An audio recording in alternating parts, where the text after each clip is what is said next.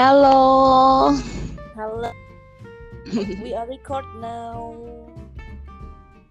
Oke. Okay, so let me open this uh, podcast. Okay. Oke.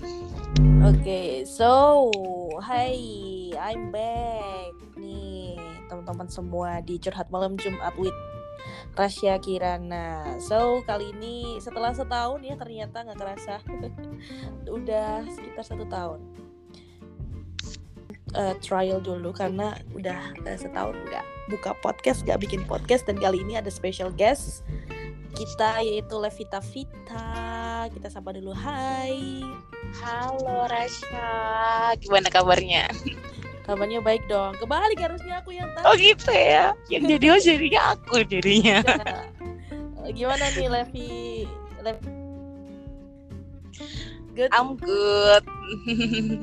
iya bagus I hope sih. you are healthy too ya betul banget. Soalnya cuaca juga lagi nggak menentu, jadi kita sama-sama jaga kesehatan. banget kalau di sini Rasya di Solo dan abis hujan di sini petir sedang menyambar-nyambar Kalau iya bisa- kak. oh ya Levita ini eh, posisinya ada di sekarang ada domisilinya di mana nih Aku di Semarang. di Semarang Ya tepatnya di Semarang Selatan. Kalau di sini masih berangin, mendung-mendung, kayaknya mau hujan hawa-hawanya nih. oh nanti habis dari Solo hujannya pindah ke Semarang Ah. Jalan dari Solo ke Semarang. jauh dong Bun Naik bis nggak bisa bun ppkm. nggak bisa nggak boleh. Iya.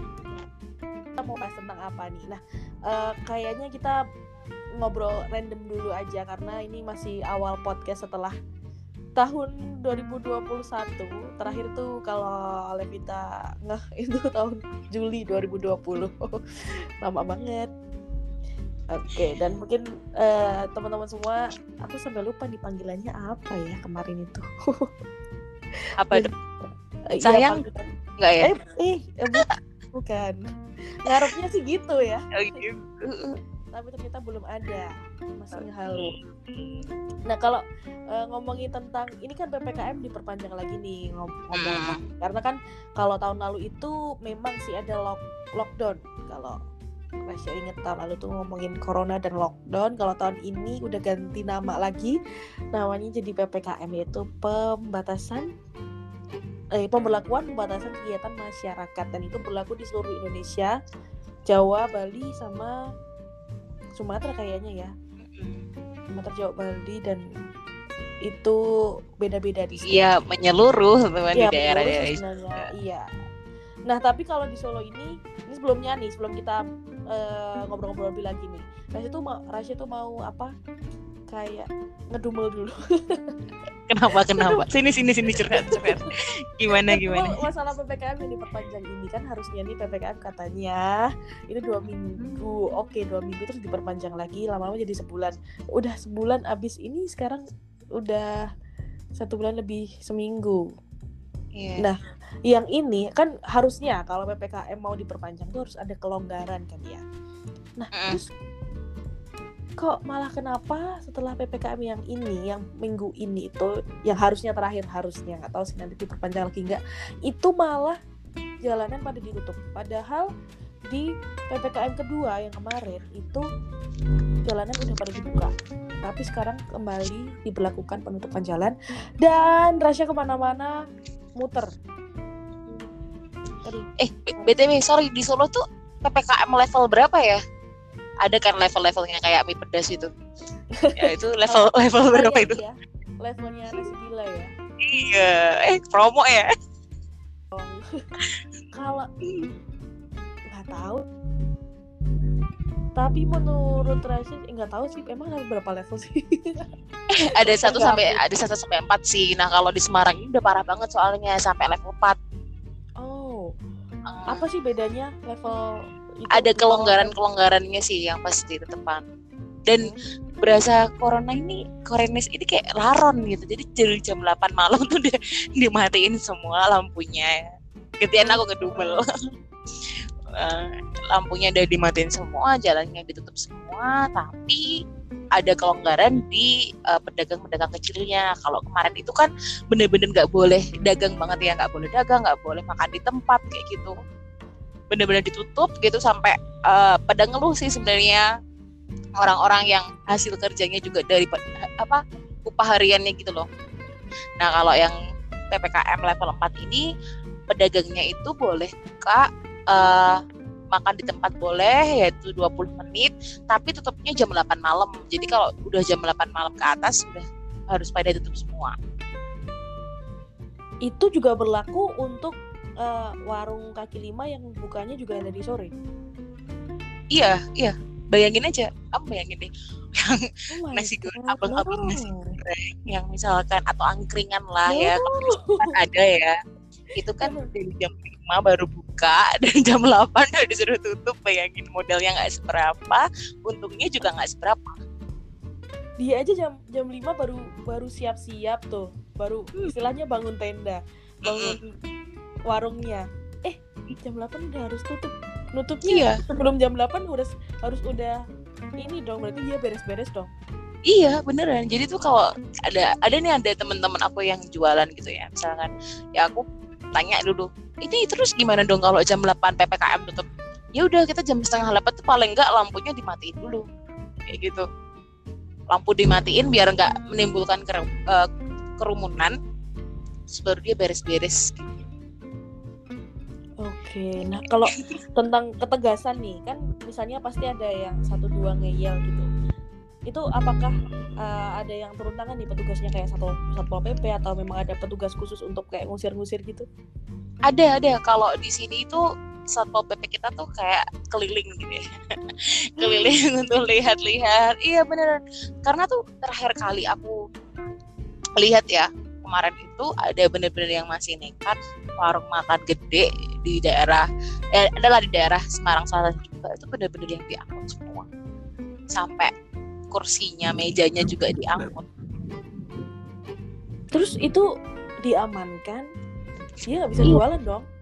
Iya kan jadi modelnya kayak nebus gitu loh bet eh hmm. bet apa ya baby iya oke. Okay. oh jadi uh, ya termasuk kasihan ya mereka udah sebulan lebih dong uh, kayak gitu. Kucing-kucingan yeah. sama para petugas betul banget. Jadi kan gimana caranya sebenarnya uh, orang-orang yang berjualan per hari itu sebenarnya di ini sih diasah kreativitasnya untuk dia gimana caranya bertahan hidup? Gitu. Ya nggak sih? Iya juga sih tapi cuman kan kasihan kalau memang uh, kan kadang ada yang masih gaptek gitu. Nah kenapa nggak diimbangin dengan kayak pelatihan penyuluhan seperti kayak teknologi terus online food gitu kan harusnya diimbangi dengan itu dong nggak cuma ya. diangkut-angkut doang harusnya ya tapi kita lihat pemerintah kita aja galau gitu loh masalah kayak gini ppkm aja diperpanjang kayak nyicil rumah seminggu seminggu seminggu lama-lama sebulan gitu ya kayaknya nih ada ada feeling sampai tahun depan ya nggak sih ah, ah beneran itu kayak yang oke okay. jadi aku nggak berharap banyak sih akhir tahun akan uh, bisa pergi-pergi ya jadi mending di rumah aja. Setahun itu sampai benar-benar pereda banget. Eh kamu udah tahu gak Beb? Uh, tahu nggak kalau misalkan ada nih penjual yang tukang bubur apa ya waktu itu ya dia ngeladenin orang makan di tempat cuma dua bungkus atau gimana terus dia harus bayar denda 5 juta kasihan banget ya sih. Hah? baca berita nggak nah ini ini. Ada yang kayak gini. itu di Semarang tuh kejadian. Enggak enggak. Itu aku lihatnya di berita kok. Mana ya? Jakarta. dia didenda gara-gara dia ngasih makan orang. Iya ngelayani makan di tempat gitu. Iya kalau misalnya dipikir ya kasihan banget sih kalau misalnya dipikir nih orang misalnya memang dalam perjalanan terus dia memang butuh makan tuh di jalan terus apakah dia mau bungkus? Terus dia bungkus mau makan di mana kan juga nggak tahu.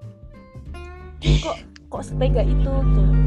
Iya nah itu aku yang masih masalahnya masih agak berpikir gitu apakah pemerintah kita juga tidak memikirkan manusiawinya eh, sisi manusianya gitu kan hmm. apakah mereka juga apa ya nggak mikirin sampai sejauh itu atau memang fokusnya mereka sebenarnya ke mana sih penurunkan penurunan angka covid kah? Atau ya gimana? Aku juga nggak masih belum paham sih sama pemerintah gitu. Kalau menurut Rasya sih kalau Rasya lihat dari di Solo ya itu lebih ke beneran pemerintah itu me kan kan kalau kalau di Solo gini sih kalau di Solo itu kebanyakan misal nih uh, udah ppkm selesai gitu beneran selesai pasti masyarakat tuh euforia pasti pada merayakan lah terus pada keluar semua. Nah itu yang dikhawatirkan sama pemerintah Solo. Makanya diperpanjang dengan uh, beberapa kelonggaran-kelonggaran ini. Cuman uh, cuman menurut Tresya ini nggak efektif ya karena tetap aja orang-orang itu akan melonggarkan diri. Terus uh, tapi kebijakannya itu sangat tidak nonsense sih menurut Rasya ya bukan untuk ngeritik ya tapi ini memang ya curhatan hati. Iya. Iya bener dong. Butuhkan masukan masukan kayak gitu kan pemerintah. Ya harusnya ada timbal baliknya lah menurut aku ya. Jadi misalkan BLT pun juga mereka nggak bisa yang semua orang dapet ya. Ya nggak sih iya. Nggak semua orang dapet gitu loh. Itu pun masih harus ada yang mereka juga ada yang bagian UKM gitu ya. Ada juga yang bagian uh, harus pakai kartu ketenaga kerjaan. Itu kan berarti nggak semua orang dapat untuk BLT itu. Apalagi kalau untuk pedagang gitu juga harusnya setelah dikasih BLT juga dikasih ini umpannya aja. Kayak pelatihan gitu. Terus kayak penyuluhan. Harusnya sih kayak gitu. Sebelum ppkm ini ada gitu. Loh iya tapi sebenarnya uh, itu sudah ada sih Levi di Solo tuh udah bergerak. Cuman untuk porsinya itu sangat minim dan informasinya itu tidak uh, jelas gitu. Sampai kepada masyarakat itu nggak jelas. Terus uh, porsinya juga kecil masyarakatnya seberapa dan uh, kuotanya itu berapa. Udah terlihat kan dari kalau dilihat aja nih dari vaksin. Vaksin kan katanya cepat-cepatan diakselerasi maksudnya akselerasi cepat harus percepatan vaksin. Tetapi ternyata lapisan masyarakat ini masih banyak yang kesusahan untuk mendapatkan vaksin dosis pertama. Bahkan ditolak ketika ketika mereka mau vaksin itu banyak kendala lah kendalanya. Diprioritasin dulu lah yang vaksin kedua terus di harus ikut apa apa namanya kayak domisilinya nggak boleh ya. uh, yang di luar Solo dan sebagainya itu ternyata itu masih banyak eh, orang-orang uh, yang masih belum terjangkau. Jadi itu sebenarnya lebih ke pemerintah pusatnya atau pemerintah daerah ya kalau kayak gitu ya? Itu lebih ke pemerintah daerah. Jadi di pemerintah daerah sebenarnya cuma dapat mandat dari pusat. Kalau pusat pemerintah pusat ke daerah itu udah jelas pasti. Uh, mandatnya ini ini ini jelas cuman pelaksanaannya kan tergantung pada daerah otonomi daerah masing-masing nih. Tapi nah daerah masing-masing ini tidak melihat secara luas tidak melihat secara global masyarakatnya seperti apa. Jadi belum ada survei belum ada riset belum ada uh, lihat dulu lapangan seperti apa nih langsung gas aja gitu loh. Istilahnya kayak main udah yang penting laksanain mandat yang dari atas udah aman laporan selesai gitu. Nah itu. Itu dia yang aku maksudnya sampai sekarang emang Indonesia harus benar berbenah gitu ya apalagi di sistem pemerintahan. Kalau di situ kan mereka lebih kayak ya udah yang penting aku udah selesai cuma buat sekedar formalitas aja tapi nggak benar-benar menyeluruh beda banget kalau uh, rakyat tahu. Di Wuhan tau nggak sih? Mm-hmm. aku tuh uh, sempat lihat film dokumenternya Wuhan yang lockdown gitu soal bulan itu benar-benar pemerintah tuh ketok itu turun ke jalan satu persatu di data uh, orangnya yang sakit siapa yang butuh bantuan siapa yang sampai segitu. Jadi mereka yang turun ke jalanan.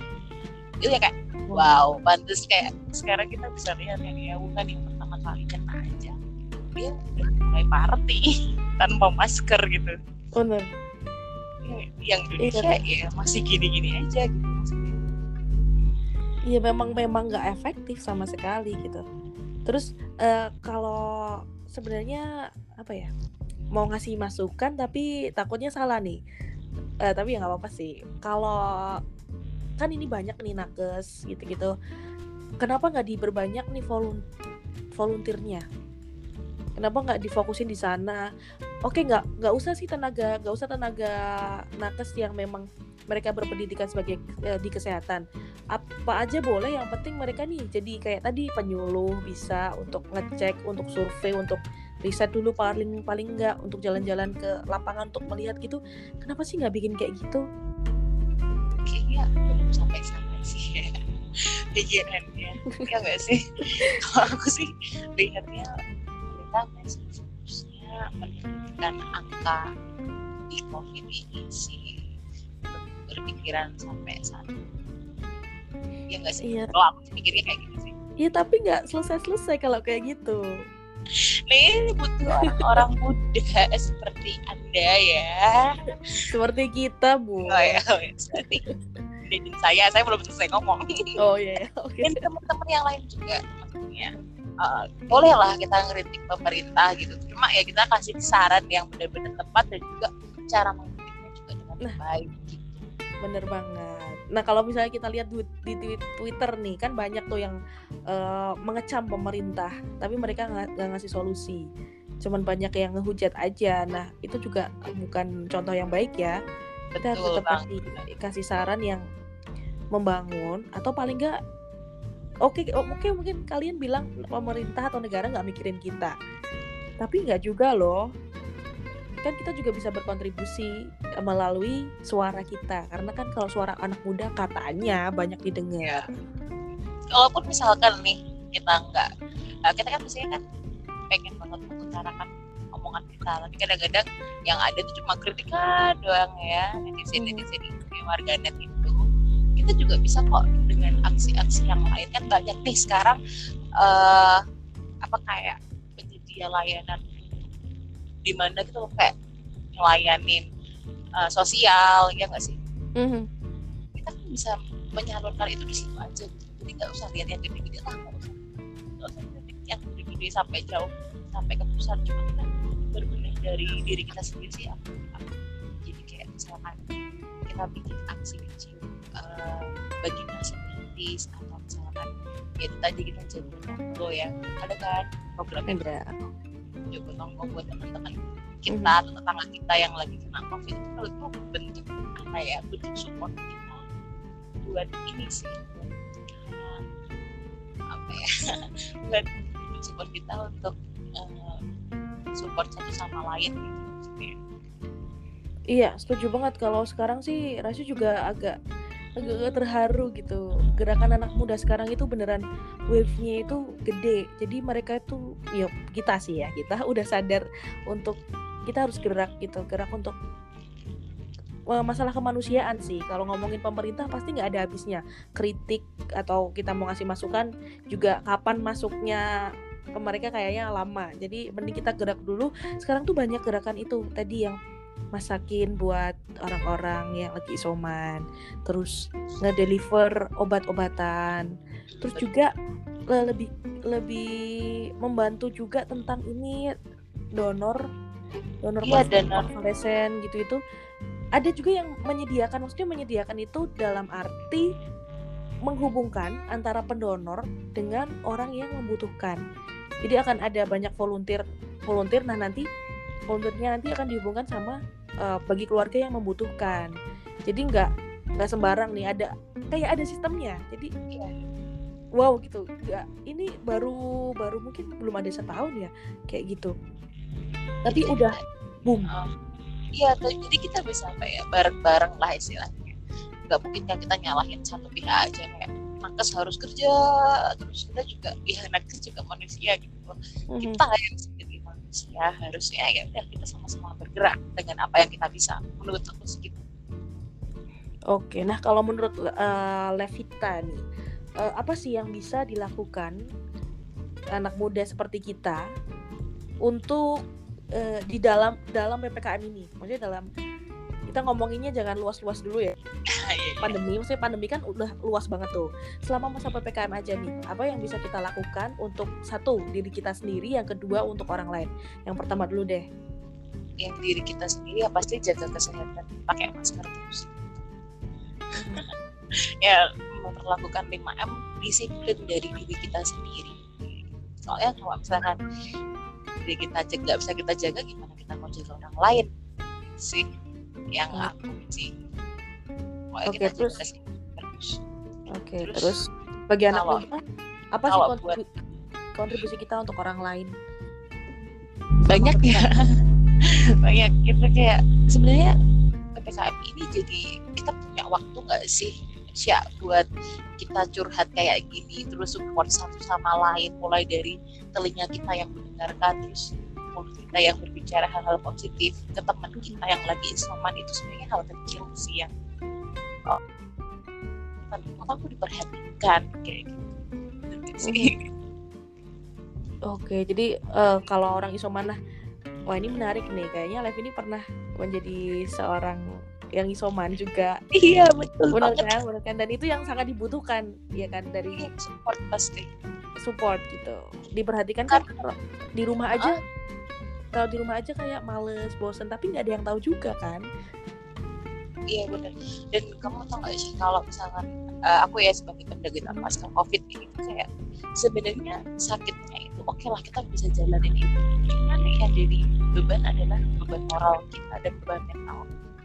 Jadi kan biasanya kalau kita ya apalagi kalau orang-orang yang anti anti klub sama covid gitu ya itu kalau liatin kita padahal udah selesai nih udah negatif gitu. Liatin kita kayak berasa kita bersalah terus. Kita yang Masih salah itu ada. jadi kayak iya ada yang kayak itu jadi beban mental buat kami sih yang udah pernah merasakan gitu Kayak ya. dikucilkan gitu ya. Hmm, jadi kan kayak gitu. Contoh aja kalau aku mau berangkat kerja beneran nggak udah sembuh kan itu satu kalimat yang "Mbak, kok gini sih? Kan udah ada bukti dari medis. Gitu itu sebenarnya hal kecil ya cuman tanpa sadar gitu jadi menjatuhkan mental kami gitu Iya sih, setuju. Jadi itu lebih Nah, padahal kita butuhnya support ya. Kenapa kok masih stigmanya seperti itu? Kayak kayak kita pengen doain mereka awas lu ntar kena. Coba rasain kalau lu kena gitu kan kayak aduh. pengen doain jelek tapi cuman kan ya aduh gimana jangan dong nanti nyebarnya Iya. banyak takutnya gitu. ya nggak semua orang sih cuman ada beberapa beberapa orang yang masih kayak gitu Pasti Ya. itu kan pemahaman sih, pemahaman diri parno sendiri. ya Tapi teman-teman jangan ya, jangan kayak gitu ya. ya kamu kamu kalian semua jangan kayak gitu karena ya kita sebagai anak muda kita berwawasan luas kita berpikiran luas kita juga harus menghargai satu sama lain. Udah tahu gimana faktanya kan? Udah tahu juga kalau udah sembuh nggak usah lah kita saling membuli tapi saling support. Oke thank you Levita untuk waktunya Masya asik juga ya ngobrol sama kamu ya Gak kerasa kan kita udah sekitar 20 menit ngobrol Itu masih banyak banget yang bisa diobrolin ya Oh sebenarnya. boleh, iya. Oke, nanti kita akan bahas mungkin di next eh, podcast nih. Jadi untuk eh, teman-teman semuanya boleh juga untuk simak podcast ini tiap malam Jumat. Nanti Rasya akan upload deh. Pokoknya eh, bikin konten dulu. nanti mungkin ada yang mau request bikin konten apa, nanti langsung bisa request di Instagram aku ya di @raya underscore betty s b e t h y s gitu. Nanti aku cantumin deh di di descriptionnya sini nanti kalian tinggal DM aja pengen uh, ngomongin tentang apa ngobrolin tentang apa gitu atau mungkin kalian pengen uh, ngobrol sama aku diundang sama Levita juga kita bisa ngobrol bareng-bareng. Asik ya kayak ngobrol bareng-bareng ya. Iya kita ngobrol bareng seru gitu discuss bareng gitu. Oke jadi thank you banget Levita untuk waktunya dan juga uh, obrolannya seru banget asik. Kita ketemu di next podcast dengan bahasan yang tentunya menarik. Thank you bye bye see you